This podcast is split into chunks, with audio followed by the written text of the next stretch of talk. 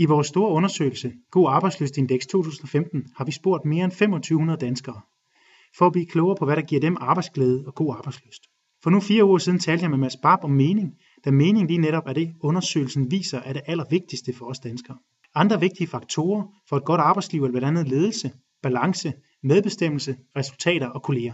Du kan læse meget mere om vores undersøgelse på krifa.dk-indeks. I denne podcast ser vi nærmere på nogle af de vigtige opdagelser, vi har gjort os, det gør jeg sammen med Spab.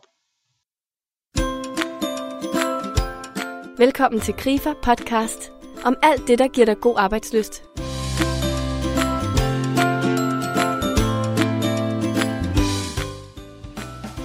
Resultaterne for vores indeks viser, at mening er vigtigst, og herefter kommer ledelse og balance. Mening dækker over det, at arbejdet i sig selv er meningsfyldt. Om vi kan se et højere formål med det, vi laver, om det er interessant, om det betyder noget for vores identitet, og om det bidrager positivt til andres liv. Mening handler ikke om at lave noget bestemt. Så det kan jo gælde alt fra at være sikkerhedsvagt, lave høreapparater eller passe børn. Hør med, når jeg spørger Mads Barb om undersøgelsens opdagelse, hvad resultaterne siger om vores arbejdsliv, og hvad vi så hver især kan gøre for at forbedre det. Det første jeg spurgte ham om var, om han kunne have forudsagt resultatet. Øh, ja, jeg tror, øh, altså, nu skal jeg ikke øh, gøre mig så skråsikker og sige, ja, selvfølgelig vil jeg have forudset det. Ingen tvivl om det. øh, ej, jeg vil mene, at øh, jeg synes, at der er, der er ting i, øh, i vores arbejdsliv og samfundet generelt i dag, som peger i retning af, at det her at sætte fokus på, hvorfor er det, vi gør, som vi gør. Øh, det spørgsmål melder sig mere og mere og mere i takt med, at øh, vi øh, over årene har erstattet svarene på, hvorfor vi gør, som vi gør, i form af statussymboler og materielle goder, med nogle mere, kan man sige, måske nogle mere abstrakte svar i form af meningsfyldthed. Når vi, ikke, øh, når vi ikke belønnes på samme måde længere, eller belønner os selv på samme måde længere, i samme omfang, som vi har gjort tidligere, så er det nogle andre svar. Vi begynder simpelthen at gå fra, at vi tænker i, øh, i mere, øh, mere, kan man sige, mere udbytte til bedre udbytte af vores arbejdsliv. Så derfor synes jeg, at der er, der er mange ting i samfundet, der peger i retning af, at mening selvfølgelig må komme højere på dagsordenen. Nu resultaterne viser, at mening i arbejdslivet er så vigtigt, og de andre faktorer betyder mindre. Bør vi så ignorere dem i første omgang og fokusere på mening? Og sætte ind der? Eller hvordan griber vi det bedste an? Øh, I forhold til, at øh, mening så har den øh, sammenhæng, som du giver udtryk for, sammenhold for eksempel med ledelse og medarbejdere, den synes jeg er lidt vanskeligere at have med at gøre. Og, og, og det der er, uden at, uden at kan man sige, udfordre undersøgelsen som sådan, fordi jeg synes egentlig, den viser noget rigtig interessant, det er, at det er jo meget sammensat spørgsmål, vi har med at gøre her. Jeg tror ikke nødvendigvis, at, at hvis vi forbedrer vores ledelse, øh, at vi så ikke får bedre effekt ud af det, som vi gør. Det gør vi da. Men, men ledelsen er jo også en medvirkende faktor mm. til at facilitere mening i arbejdet. Så det er jo et spørgsmål om, hvad vi vurderer som værende direkte eller indirekte effekter. For jeg synes, at alle de parametre, som du lister, og I lister i, i jeres rapport og undersøgelse, er, spiller alle sammen på en eller anden måde ind sammen med mening. Øh, for eksempel, når vi snakker, når vi snakker, når vi snakker mening, så er der jo den her oplevelse af, at, øh, at jeg, jeg bidrager positivt til andre menneskers tilværelse, ja, som værende sådan en, det er jo en meget klassisk definition af mening. Men, øh, men for eksempel sådan noget som, at jeg også selvfølgelig er stolt af mit arbejde, og mit arbejde, mit arbejde hænger sammen med, hvem jeg er som person, det er måske lidt mindre klassiske definitioner af mening. Øh, så kan man så også sige, afhængig af, hvordan man så designer sådan en undersøgelse, så for eksempel også bare sådan en oplevelse af, at, øh, at man kan sige, at, at jeg har sådan en følelse af, at jeg gør fremskridt, i mit, fremskridt i mit arbejde, øh, at jeg føler, at jeg udretter noget i løbet af en dag. Øh, det vil man typisk ikke definere som værende mening måske, men i meget den forskning, også i den teori, der er omkring meningsfyldthed og mening i arbejdet, der er de faktorer af meningen. Det vil sige, at vi jo siger jo også nogle gange, at øh, hvis, vi har, hvis vi nu for eksempel har haft en dag fyldt med møder, og vi synes, mange af de møder har været spild af tid, det var vi så også lidt inde på i podcasten, ja. jamen øh, så, øh, så har vi måske oplevet, at dagen har været lidt meningsløs. Vi siger, at det har været et meningsløst møde. Hvad var meningen med det møde? Ja. Øh, jamen øh, det betyder så også, at hvis vi, ikke, hvis vi ikke producerer noget, hvis vi ikke føler, at vi skaber værdi her og nu, jamen så giver det heller ikke mening. Så det er en sammensat størrelse, det tror jeg er vigtigt at, at, at, at tage højde for. Øh, men, men, men men, men relativt forventeligt synes jeg, at det er sat på dagsordenen, og det er rigtig godt, for det gør også, at øh, der måske er flere, der får øje op for, at øh, man bliver også nødt til at gøre noget ved det. Ja. Hvad mener du så, vi konkret kan gøre i vores hverdag, med baggrund i det indekset viser, for at vores arbejdsliv bliver bedre og mere meningsfyldt? Ja, jamen øh, man kunne måske sørge for, at man har en meget, meget præcis øh, og, og inspirerende fortælling om, hvorfor det er, og hvordan man bidrager positivt til andre. Mm. Øh, der kan være, at man måske har desværre fået oparbejdet en kultur, hvor man tænker meget effektivitet, meget kan man sige, målstyrende, men man har glemt at tale om, hvorfor det er, vi gør, som vi gør. Øh, hvor, hvem er det, vi servicerer? Og virkelig få den fortælling på plads. Noget af det, jeg har anbefaler i de virksomheder, jeg arbejder med, det er at have sådan her kernefortælling om, hvad det er, vi laver, hvem det er, vi laver det for, og hvorfor vi gør, som vi gør. Helt klar. Og at den fortælling løbende skal, øh, kan man sige, masseres ind i organisationens DNA. Men rigtig mange øh, ender med at gøre det som sådan nogle, øh, sådan nogle øh, store events, og, og hvor der aldrig rigtig bliver bundfældet. Den fortælling, den skal leve i organisationen. Det gør den desværre ikke øh, ret mange steder. Øh, det er den ene ting. Det andet, man kan gøre, det er, at man kan også være, være helt klar på, på forventninger og målsætninger øh, samtidig med, at man har den fortælling på plads. Men sådan, så man ved, hvad er det for et fremskridt, vi skal gå efter, og hvad er det, vi skal lave, og man kan have styr på det, øh, sådan så at man helt tiden sikrer, at der er den der fremdrift. Det vil sige, at man også fortæller om, hvad det er for nogle barriere og begrænsninger, som der er øh, i hverdagen i forhold til at nå de ting. Og så synes jeg, i forhold til det her med, om man, om man øh, synes, at ens arbejdsopgaver er interessante, ja, spørgsmålet er, hvor meget egentlig folk taler om det i dagligdagen. Øh, er det sådan noget, man måske taler om på den årlige medarbejdersamtale? Taler man om det i dagligdagen, om det vi laver føles interessant? Øh, jeg plejer at bruge sådan et udtryk, om vi har det som fisk i vandet. Altså man kan sige, hvad, hvad, hvor mange af de opgaver og ting, jeg laver, gør, at jeg har det som fisk i vandet? Og hvad får man derhen til? Øh, måske man skal skabe lidt mere klarhed på det. For så får man både tale om den ydre i form af formålet med det, vi gør, øh, måden vi bevæger os på, altså det fremskridt, som vi også kan se, der har stor betydning for mening, og måden jeg arbejder på, altså den kan man sige, form, øh, jeg lægger ind i det. For undersøgelsen viser jo også, at sådan noget som, sådan noget som at kunne mestre sine opgaver og føle, at jeg faktisk kan udføre et godt stykke arbejde, det også har betydning. Ifølge indekset, så oplever halvdelen af danskerne, 47 procent siger den, at deres arbejde i meget høj grad bidrager positivt til andre menneskers tilværelse, hvilket smitter af på deres arbejdsglæde. Det lyder godt, men hvis vi vender det om, så er det under halvdelen. Det lyder ikke voldsomt højt. Hvad mener du? Og hvad kan det egentlig skyldes, at det ikke gælder flere? Og, Nej, og jeg synes, når man, øh, når man går tallene igennem, så er der jo faktisk ikke ret meget, der, der sniger sig op over halvdelen. Nej. Altså, og, og, og, det tænker jeg sådan, det, var, det synes jeg var noget, da jeg, da jeg ligesom så nogle af tallene, jeg synes, der var det mest, øh, det mest, øh, det, det virkelig det, det interessante. Fordi jeg synes, at det, i, de, øh, i de virksomheder, jeg møder, øh, der synes jeg, det viser sig, at, øh, at organisationers trivsels- og tilfredshedsmålinger, som jo på mange måder spørger om nogle af de samme parametre, som I har spurgt i den her øh, repræsentative undersøgelse på tværs af befolkninger, aldersgrupper og, og arbejds, øh, arbejdsformer osv., at i de her interne målinger, der er, der er resultatet meget ofte ret højt. Øh, altså en, en generelt høj grad af arbejdsløst og tilfredshed. Generelt høj grad af oplevelse af, at mit arbejde giver mening. Generelt høj oplevelse af, at vi bevæger os fremad og så videre. Men måske det er også der, hvor man som medarbejder ikke nødvendigt, altså, ja, man er anonym, for det er man jo øh, typisk i de her undersøgelser. Jeg tror egentlig heller ikke, folk har en forventning om, at deres resultat bliver set øh, på individuelt niveau. Der tror jeg, der er meget høj grad af integritet for de mennesker, der laver de undersøgelser. Men man har måske også oplevelsen af, at det skal der jo tales om, og vi skal på en eller anden måde iværksætte initiativer på det. Det vil sige, at jeg kommer til at stå til regnskab for, mit, for min besvarelse. Og jeg skal ikke være den, der siger, at, øh, at de besvarelser er forkerte, eller at folk kunstigt svarer, og øh, det har jeg ikke nogen, øh, nogen berettigelse i, men det er, jeg synes, det er tankevækkende, at jeres måling på tværs af landet og på tværs af de skæld, I har spurgt til, viser et billede, der er markant anderledes end rigtig mange interne målinger. Det er, det er, er både interessant og foruroligende på samme tid. Men det er måske også et, et vink med en vognstang, eller i hvert fald sådan en, en, det bør være en øjenåbner for rigtig mange organisationer til at tænke over, hvis det her er billedet repræsentativt, så er det alt andet lige nok også en, en, en væsentlig del af det øh, øh tankesæt, mine medarbejdere, mine kollegaer sidder med. Og det betyder, at, øh, at vi måske faktisk ikke i dagligdagen har den positive opfattelse af vores arbejdsliv, som vi går rundt og tror, fordi vores trivselsmålinger internt i organisationen viser det. Øh, her er der i hvert fald øh, et billede, der viser noget andet. Okay. Nu vel, det kan jo også godt være jeres undersøgelse, der, har, der er behæftet med nogle usikkerheder, men så sandheden ligger måske et sted midt imellem. Okay. Men jeg synes også, det, er, det giver god grund til at, at virkelig tænke igennem, og måske også tænke lidt over i organisationerne, at det handler måske knap så meget kun om at måle det, men i virkeligheden at tale langt mere om det. Ja, godt. Hvis vores undersøgelse nu giver et mere ærligt billede af, hvordan det forholder sig, hvis vi siger det, mm, og det betyder, at folk faktisk er mindre tilfredse med deres job, end deres egen arbejdsgiver tror, det synes jeg er vigtig viden. Men hvad kan vi gøre med den? Ja, ja men jeg vil sige sådan, jeg, når jeg tror, at, øh, at jeres undersøgelse og svarene der er, er nærmere øh, virkeligheden, hvis man øh, må kalde noget det, øh, så tror jeg, så, så er det blandt andet også, fordi der er andre undersøgelser, der internationalt øh, indikerer nogle af de samme tanker og billeder, som jeres undersøgelse gør. Altså indikerer, at, øh, at internt, så, så går vi mennesker og medarbejdere ikke rundt med den øh, store tilfredshed, som vi umiddelbart giver udtryk for i vores interne, mange interne målinger. Det viser sig faktisk, at billedet måske er en lille smule mere udfordret, end vi ellers tror. Øh, og, øh, og der tror jeg i høj grad, at, at, øh, at jeres undersøgelse på mange måder faktisk indikerer, at, øh, at der er nogle alvorlige ting at tage, tage, tage vare om.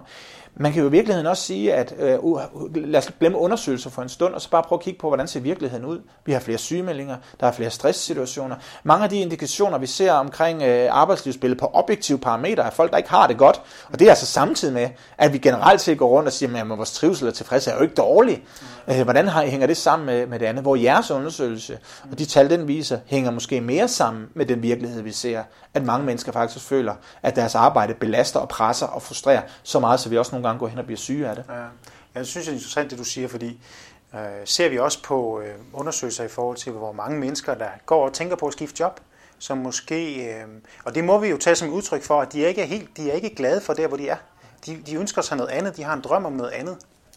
Det kan også være, at man tror, at græsset er godt på den anden side. De oplever måske netop også stress og sygdom.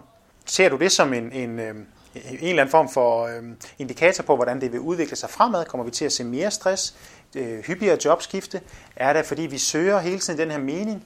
Er vi for, er vi for krævende i forhold til øh, at finde meningsfulde job? Eller er det simpelthen bare fordi, at, øh, at det er svært at være menneske i dag? at det er hårdt?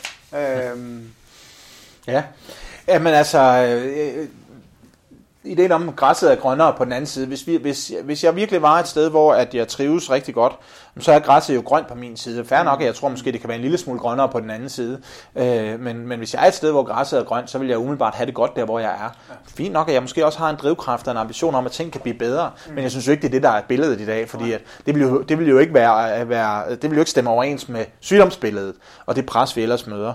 Jamen, hvordan fremtiden kommer til at gå, det kommer jo an på, om, øh, om hvis vi fremskriver resultater af jeres undersøgelse og ser på nogle af de sammenhænge, vi ellers også ved omkring, hvad der sker med mennesker, som, øh, som oplever øh, Øh, kan man sige, øh, for eksempel spørgsmålet omkring, om man har indflydelse på sit arbejde, indflydelse på den måde, man laver ting på, øh, om man har indflydelse på virksomhedens strategier, om man føler, at man er opslugt af sit arbejde, om man føler, at der er balance mellem udfordringer og de øh, kan man sige, vejledninger, de øh, ressourcer, man har til rådighed.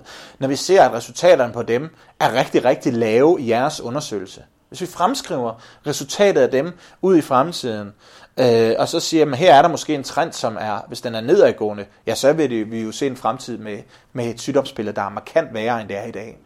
Øh, forhåbentlig så er der flere, der også begynder at tage vare omkring de her situationer og se på, hvordan kan vi faktisk skabe et arbejdsliv, der er mere bæredygtigt. Fordi det her giver udtryk for et arbejdsliv, der ikke er bæredygtigt. Det giver udtryk for, for virksomheder, som har strammet op, strammet ind, reguleret og skabt måske nogle rigide billeder af, af hvordan arbejdet skal udføres, uden at tage hånd om, at organisationen virkelig har det godt. Udfordringen er jo at finde ud af, hvordan man får de to ting til at gå hånd i hånd.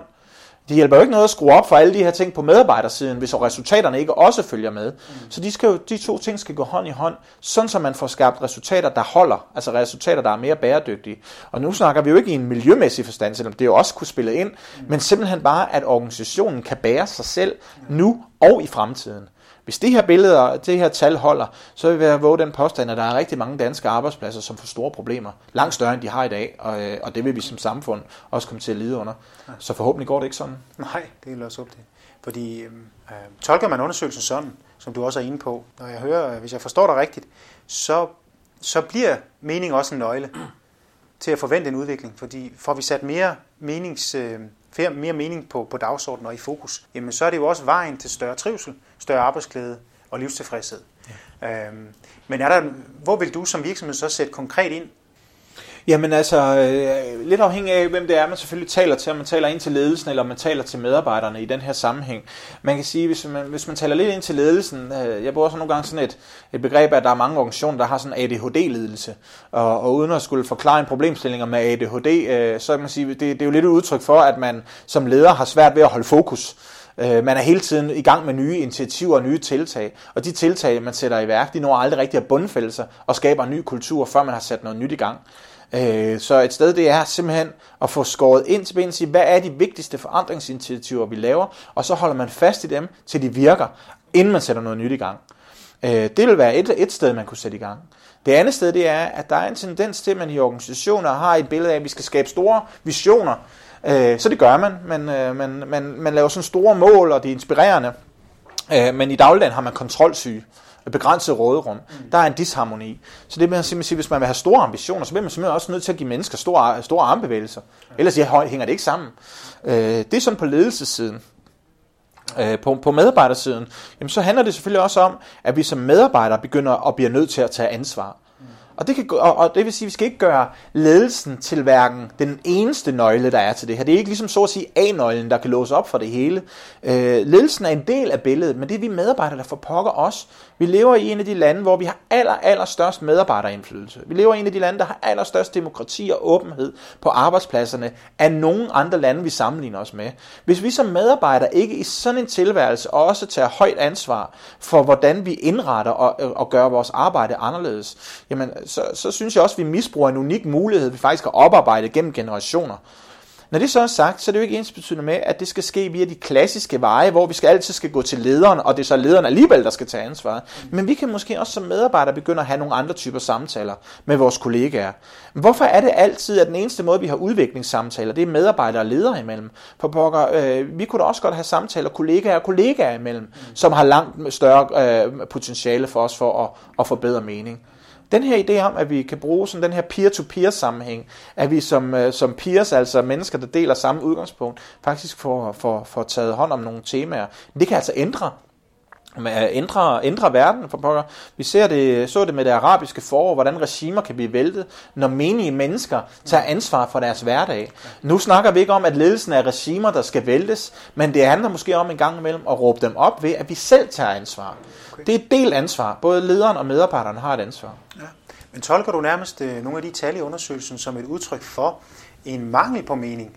Altså, mening bliver så vigtig, fordi vi er måske i dag i et, øh, på et tidspunkt på bagkant af krisen, øh, og måske i en virkelighed med stress og sygdom og pres på, at vi har svært ved at finde meningen. Ja. Og derfor bliver mening så vigtig. Ja, det synes okay. jeg er en, et, et, virkelig synes jeg, dit, dit, dit spørgsmål, det, det siger rigtig meget om, tror jeg, hvad det er, der også kan være en af forklaringerne på, ja. øh, at, at vigtigheden er så høj. Jamen det er, fordi vi, vi søger nogle svar på, øh, på en verden, som vi ikke rigtig kan, har kunnet finde svar på i de løsninger, der er kommet.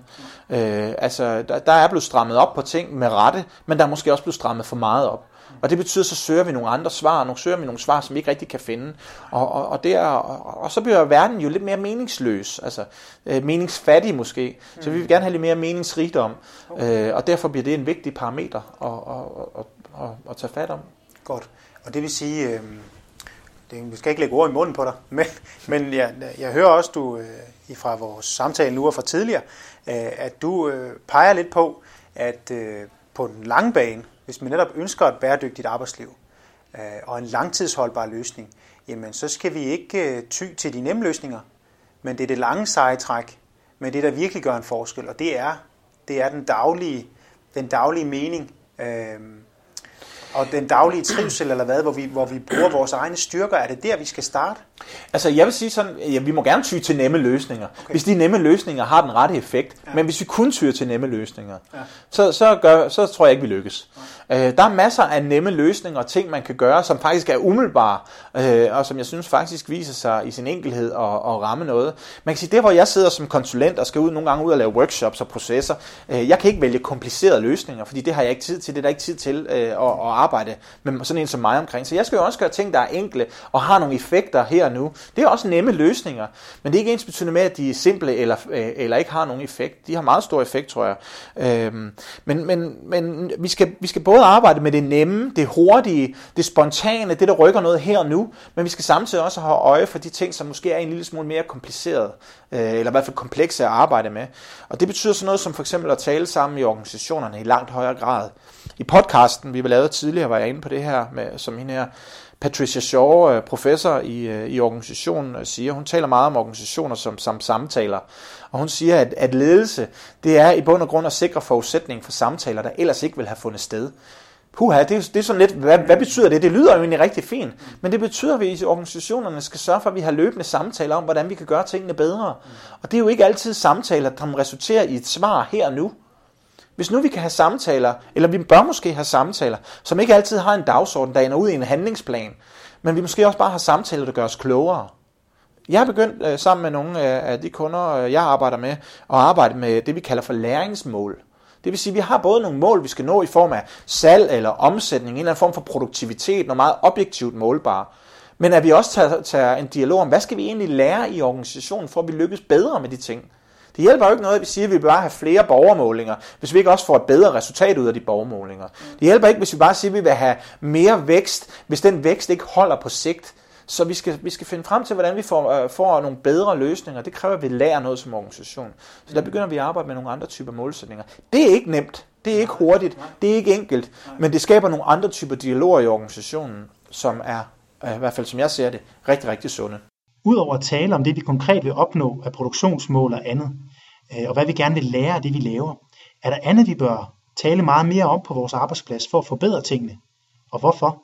Noget af det, jeg oplever, der, der, der, der er en, en, en vej til at gøre det, som er, er noget af det, som den positive psykologi blandt andet har forskningsmæssigt kigget på, det er, hvad sker der, når vi begynder at tale om ressourcer? Hvad, begynder der, hvad sker der, når vi begynder at tale om styrker? Og når vi faktisk sætter fokus på, hvad er det, der skaber mening, frem for kun at tale om, hvad det er, der gør, at verden er meningsløs. Øh, når vi begynder at tale, tale, tale de ting op, som faktisk flytter vores øh, verdensbillede et godt sted hen, så sker der noget spændende. Det tror jeg, vi kan, i organisationerne kan gøre rigtig meget mere af. Altså jeg plejer tit at udfordre ledere i, øh, hvordan er det, vi taler om, om ting i vores verden. Altså de ting, som, øh, som, som, går, som går godt i organisationerne, dem har vi en tendens til at være meget overfladiske omkring. Vi roser måske hinanden, vi fejrer dem måske, så går vi lidt videre. De ting, som ikke går så godt, dem er vi meget analytiske omkring. Hvad nu hvis vi var analytiske omkring, hvad det er, der er godt? Hvad nu hvis vi brugte lige så meget tid på at forstå, hvad er det egentlig, der gør, at vores arbejde er, er meningsfyldt, når det er det? Lige så meget, som vi bruger tid på at tale om, hvad var det, der gik galt, dengang vi ikke lykkes. Så kan vi måske lære af, hvad det er, der gør vores arbejde meningsfyldt. Problemet er, at det gør vi ikke ret meget. Det skal vi gøre noget mere af. Ikke som erstatning for at snakke om problemer, men som supplement. Okay, godt. Nogle af de vigtigste pointer, du kan tage med dig herfra, er, Mening er en af de vigtigste faktorer i forhold til at skabe et godt arbejdsliv. Det er ikke den eneste, og derfor håber jeg, at du vil gå ind på krifa.dk-indeks og læse mere om vores gode arbejdslystindeks og de opdagelser, vi har gjort igennem vores store undersøgelse. Og husk så, at det du kan gøre konkret for at fylde mere mening i din arbejdsliv, det handler i høj grad om at sætte det på dagsordenen. At tale om de mål, I har, de kerneopgaver, I har, om de er meningsfulde, om I gør det rigtige, og om I lærer noget, opnår noget, og skaber en bedre arbejdsplads ved at arbejde på den måde, I arbejder. Husk også Mads Babs gode råd omkring at sætte ressourcer og styrker på dagsordenen. Hvis du gerne vil høre mere, så husk, at vi kommer med en ny podcast hver eneste uge. Det kan du abonnere på, hvis du downloader en podcast-app til din smartphone. Vi går meget op i alt det, der er med til at præge dit arbejdsliv, og kan være med til at give dig god arbejdsløst og mod på mere. Udnyt endelig vores tilbud og arrangementer, som du kan se på krifa.dk-karriere. Tak for nu og på genhør.